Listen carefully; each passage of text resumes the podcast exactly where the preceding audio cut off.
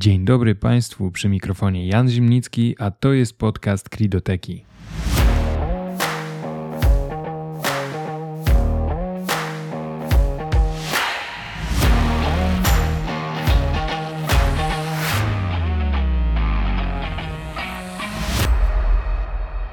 Zainteresowanym tematyką krajowego systemu e-faktur polecam obserwowanie podcastu Kridoteki, a także subskrybowanie newslettera, gdzie zapisani będą regularnie otrzymywać pisemne wskazówki dotyczące wdrażania KSEF.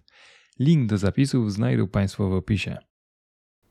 W dzisiejszym odcinku podcastu wskazówka dotycząca potrzeby uzgodnień z kontrahentami, sposobu prezentowania dodatkowych informacji na fakturach. Wdrożenie krajowego systemu e-faktur oznacza konieczność wystawiania faktur ustrukturyzowanych w formacie XML.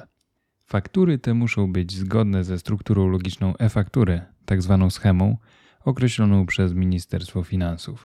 Schema faktury ustrukturyzowanej może nie zawierać predefiniowanych pól dla wszystkich danych istotnych z biznesowego punktu widzenia dla stron danej transakcji.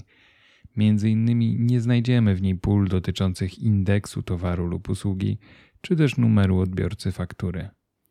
Brak tych pól w schemie faktury ustrukturyzowanej powoduje potrzebę wejścia w interakcję z kontrahentami oraz wdrożenie rozwiązań wynikających z tych rozmów.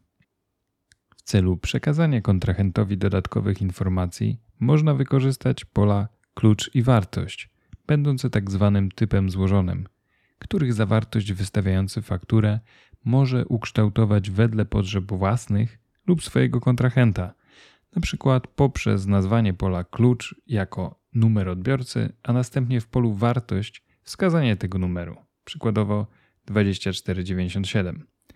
Zgodnie z najnowszym projektem schemy, wyżej wymieniony typ złożony na jednej fakturze może wystąpić nawet tysiąc razy, co może częściowo rozwiązywać inny problem, jakim jest brak możliwości dodawania załączników do faktur wystawianych w SEF.